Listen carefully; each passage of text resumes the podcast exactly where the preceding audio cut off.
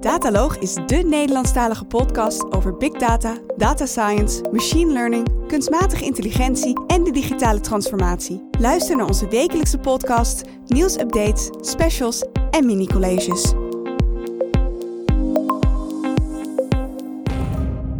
Leuk dat je luistert. Ja, Anouk, we zijn vandaag bij Women in Data Science in Eindhoven. Hoe Ja. vind je het? Ja, mooi hier om eh, op de high-tech campus even rond te lopen. We hebben net al het eerste praatje gehoord, eh, waar we straks even nog wat dieper op ingaan. Dus eh, ik ben heel benieuwd. Ja, want we hebben de keynote spreker gestrikt voor dit interview. En dat is Arlette van Wissen. Ja, Arlette, wil jij jezelf voorstellen? nou heel graag. Leuk. Leuk om hier te zijn. Ja, ik ben eh, senior data en AI scientist bij Philips Research. Eh, ja, werk hier eigenlijk gewoon op de, op de campus, dus dat is ook wel heel grappig. Ja, ik werk aan responsible AI topics. Dus het gaat erg over hoe kunnen we ervoor zorgen dat onze AI-oplossingen ook allerlei facetten meenemen, zoals dat ze robuust zijn in verschillende settingen en transparant zijn en ja, met alle gebruikers eigenlijk hetzelfde omgaan, dus fair zijn. Eh, allerlei van dat soort elementen, daar werk ik aan. Gaaf. En wat maakt responsible AI nou zo belangrijk voor jou? Ja, je hebt natuurlijk aan de ene kant, eh, kan je zeggen, het is is meer een soort principe hè, van eh, AI moet in mijn optiek iets zijn wat de mens verrijkt en een soort van samenwerkt met mensen om, om doelen te bereiken. Maar het is natuurlijk ook wel een heel praktische kant van, wij willen natuurlijk gewoon AI-oplossingen maken die robuust zijn, die werken in alle omstandigheden en voor iedereen even goed. Zeker als je in de Ja. healthcare, eh, in de zorg werkt, dan is dat wel extreem belangrijk natuurlijk. En je had wel een aardig statement net in jouw eh, keynote. Jij zei 85% van de AI-projecten levert verkeerde resultaten door bias. En dan is natuurlijk de vraag aan jou, Arlette. Wat kun jij daaraan doen binnen Philips? Ja, dat is eh, een shocking number natuurlijk. Ja, het was een, een voorspelling hè, van Gartner. Nou is het natuurlijk zo dat ehm, er zijn ook altijd mensen die zeggen, en, en die hebben daar voor een gedeelte gelijk in, niet alle bias is slecht in de zin van dat het ehm, eh, meteen is dat je, dat je product niet goed werkt of dat je sommige bias eh, is misschien wel met opzet of is, heeft niet zo'n grote impact voor jouw specifieke oplossing. Dus, de, ja, dus de, ik denk dat, dat die nuance moet je wel aanbrengen. Maar verder is het wel zo dat er heel veel biases wel zijn. En eh, wat ik eraan kan doen, is dat ik probeer onze werknemers eigenlijk tools en ook soort best practices aan te reiken om bias te detecteren of ja, het liefst natuurlijk voor te zijn. Ja, en jij noemde net heel concreet een zogenaamde bias risk assessment. Ja. Wat is dat voor iets? Ja, da daarvan eh, dan kijk je eigenlijk voor verschillende fases in de, in de lifecycle van AI. Dus, dus eigenlijk van datacollectie naar verwerking, naar bouwen van je model en het deployen van je model. Van welke type bias kunnen er nou voorkomen ja, in die fases eigenlijk? En wat zou je dan moeten doen om dat te voorkomen of te verhelpen? Want dat is ook wat je eigenlijk benadrukte, toch? Dat die bias echt in elke stap van de data science levenscyclus erin kan sluipen. Dat dat niet alleen iets is bij modelontwikkeling. Ja. Kan je misschien een aantal voorbeelden noemen van wat jij veel bent tegengekomen? Ja, dus eh, wat je ziet is dat ehm, bijvoorbeeld interessant in de zorg is dat eh, natuurlijk zit er bias in data, dus, dus ehm, maar niet alleen. Een van de veelgenoemde voorbeelden is altijd van nou, je hebt niet een representatieve sample gekozen. Of er is niet data van. Maar eh, iets wat veel minder bekend is en ook vaak blijkt, is dat een heleboel tools in de, in de zorg, eh, bijvoorbeeld om bepaalde assessments te doen van hoe ziek mensen zijn of hoe ehm, beschadigd een orgaan is of allerlei dat soort dingen. Die tools zijn al gebiased, want die zijn bijvoorbeeld 50 jaar terug ontwikkeld. Die worden nog steeds gebruikt, maar benadelen dus nou ja, vaak eh, minderheden of, of vrouwen.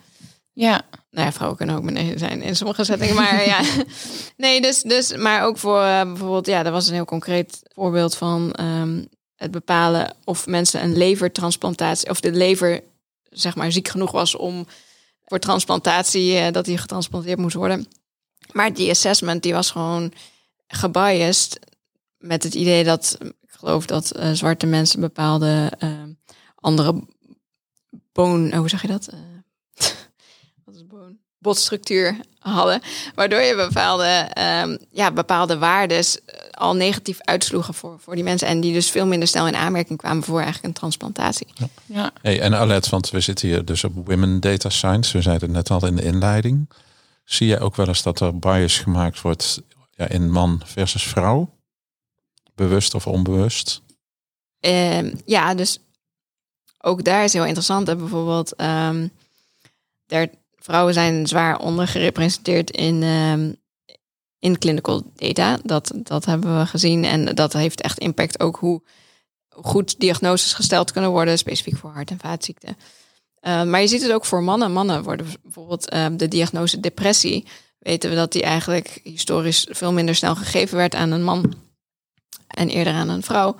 Uh, zelfs bij dezelfde symptomen. En ook die dingen. Dus ja, als je het hebt over labeled data die wij binnenkrijgen en waar wij onze modellen op trainen, dan, uh, ja, dan zit je dus daar al, al met een bias. Ja. En als we nou in de toekomst kijken, denk je, um, er is natuurlijk steeds meer aandacht voor diversiteit, inclusiviteit. Denk je dat de AI-wereld over tien jaar wat beter omgaat met bias? Ja, ik heb daar wel uh, goede hoop op. Um, er zijn heel veel interessante nieuwe technieken die ook uh, ons kunnen helpen bij het voorkomen van bias. Of om met minder data, bijvoorbeeld synthetic data, om, om, nieuwe data eigenlijk weer te genereren die ons kan helpen ja, inclusievere datasets te maken. Maar ook dingen als federated learning, waarbij je eigenlijk minder de, de privacy gevoeligheid hebt en waardoor je dus meer eigenlijk datasets zou kunnen includeren. Ik denk dat er heel veel sowieso het hele onderzoeksgebied op gebied van het gebruiken van small data is heel interessant. Ik ben benieuwd. Daar, daar wordt natuurlijk. Uh, we zullen ook, laat ik het zo zeggen. Ik denk dat er ook nieuwe manieren van bias introduceren zullen ontwikkelen.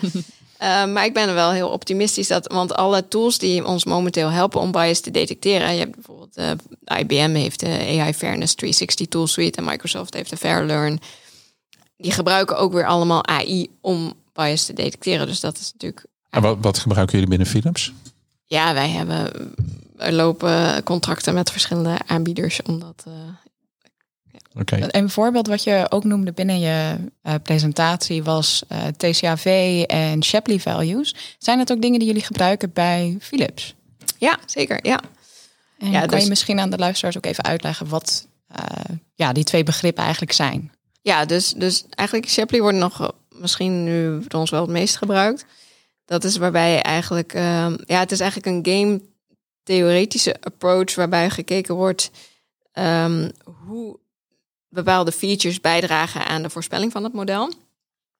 Uh, en dat kan eigenlijk heel makkelijk, want die tools die ik net al noemde, maar ook allerlei andere tools, die kunnen, die kunnen dat voor jou. Uh, als je gewoon je, bijvoorbeeld je Jupyter notebook hebt, dan kan je dat gewoon uh, erin stoppen en dan laten ze dat voor jou zien. Dus dat is al een hele goede manier, denk ik, om te kijken van klopt mijn intuïtie wel met wat het model eigenlijk doet. Ja.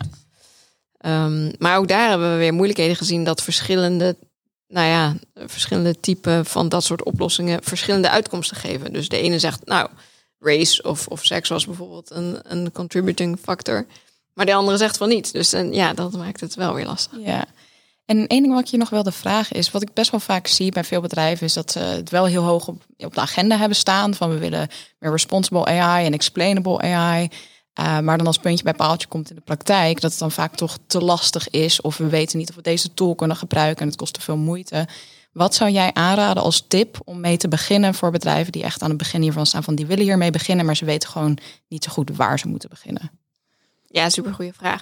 Nou, ik denk al, kijk, een eerste basisstap is natuurlijk al die awareness. Hè? Dus praat met je teams erover. Dus weet dat die biases er zijn. En dan heb ik dus niet alleen over selectie bias, maar al die verschillende type ja. bias. En dus dat jij als data scientist ook bias kan introduceren door een bepaalde uh, losfunctie te kiezen of bepaalde parameters wel of niet mee te nemen. Of ik denk dat dat is heel belangrijk. En, en, en concreet iets wat ze kunnen doen is dus inderdaad betere documentatie van wat heb ik gebruikt om het te trainen, waar werkt het wel niet, wat zijn ook betere error-analyse. Dus niet alleen zeggen van nou het werkt voor uh, punt 89%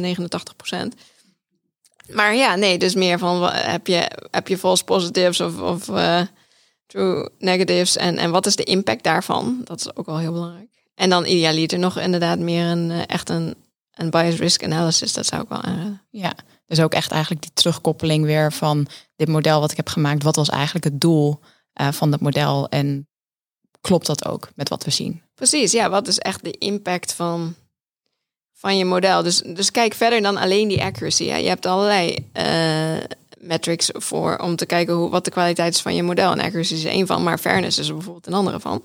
En, uh, Hoe meet je dat? Hoe meet je fairness? Ja, dat is grappig, want er zijn meerdere manieren om dat te doen. En dat hangt dus heel erg weer af van je, van je businessdoel. Welke manier voor jou geschikt is. Want je, je kan naar individuele fairness kijken, maar je kan ook naar groep fairness kijken. Dus dat je bijvoorbeeld zegt, ik wil dat voor alle subgroepen het algoritme even goed werkt. Maar wat betekent dat dan weer? Wil je dat de, dat de true positives even groot zijn voor alle groepen? Of wil je dat alle zeg maar, type fouten gelijk verdeeld zijn over de groepen? Dus ja, het gaat weer over van heel goed dus je businessdoel vertalen naar een modeldoel. En in dit geval dus ook kijken naar wat vinden wij dus een belangrijk doel op het gebied van fairness. En die doelen dan vertalen, is dat iets? Ja, ik lees tegenwoordig van alles over de Business Analytics Translator. Zegt dat zoiets? Translator. Um, nou, ik kan me er wel iets bij voorstellen, maar ik weet niet of ik het precies weet. Ja, volgens mij zou dat de persoon moeten zijn die die businessdoelen eigenlijk vertaalt naar ja. Het data science team. Nou, dat klinkt heel uh, toepasselijk, inderdaad. Ja, dus als dat iemand is die ook, maar die dus ook echt verstand heeft van, van de data science, maar ook inderdaad op een hoger niveau kan, kan meepraten met de stakeholders, dan lijkt me dat een heel nuttige functie. En we hebben echt nog een hele andere vraag, want we hebben ook best wel veel jonge luisteraars. En het thema is vandaag Women in Data Science. Ja. Wat zou voor een jonge vrouw, die eigenlijk nog, of die net van de middelbare school uh, komt, laten we, laten we dit voorbeeld even pakken. Uh, waarom moet een jonge vrouw voor het vakgebied data science kiezen, volgens jou? ja, ik kan alleen maar misschien uitgaan van uh, wat mijzelf altijd heel erg in heeft aangetrokken en wat ik nog steeds denk dat zo relevant is, waar dat ik mijn praatje ook mee begonnen ben, is dat wij hebben zoveel perspectieven nodig in de data science. En ik denk dat het ook een misvatting is dat data science alleen maar gaat over predictieve modellen maken um, of echt die analyses doen. Het gaat over, het is eigenlijk een super interdisciplinair gebied als je het mij vraagt. Dus ik denk dat, uh, ja, persoonlijk zou ik wederom daar heel erg toe aangetrokken zijn. En ik denk ook dat heel veel vrouwen dat, als ze dat ook meer zien, dat ze ja, daar, daar ligt ook een heel waardevolle bijdrage voor heel veel mensen om dat en vrouwen om die uh, te kunnen maken daar. Wat heb je zelf eigenlijk gestudeerd? Ja, cognitieve kunstmatige intelligentie. Oh, daar vertelde je iets over in je praatje. Ook iets met taalverwerking, zei je, geloof ik. Ja. Pas je dat nog toe? Ja, nog steeds. Ja, ja dus ik heb. Uh, wij hebben allerlei um, ja, NLP-processen ook die we gebruiken. Van we proberen bijvoorbeeld chatbots te maken voor met de gebruiker. Of uh, meer notes te interpreteren van die de, de zorgprofessional heeft geschreven en meer dat soort dingen. Dus ja, het is nog steeds heel relevant. Oké, en dan misschien nog als allerlaatste vraag. Wat is jouw tip die je zou meegeven aan iemand die aan het begin staat van zijn of haar carrière in data science?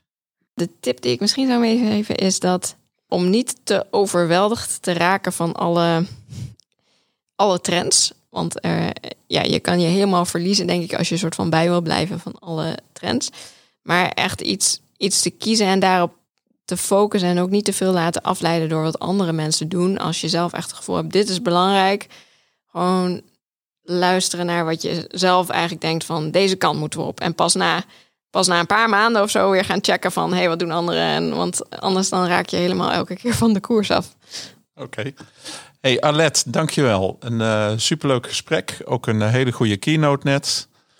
Uh, We zullen nog wat informatie in de show notes zetten. Zeker. En Dankjewel. Graag gedaan. Bedankt voor het luisteren naar deze uitzending van de Dataloog. Vond je onze podcast leuk, goed, interessant of wellicht te veel ene en nullen? Laat een review achter of geef thumbs up. Heb je vragen of opmerkingen? Kijk dan ook eens op www.dedataloog.nl. Hier staan ook de show notes van alle uitzendingen. Je vindt onze nieuwe uitzendingen wekelijks op iTunes, Stitcher, Spotify en alle andere bekende podcastplatforms. Alles wat wij maken, doen we onder Creative Commons. Je mag alles hergebruiken voor niet-commerciële doeleinden, zolang je ons als bron maar noemt. Volg ons op Twitter op @dedataloog. Graag tot de volgende keer. En voor nu, tot data!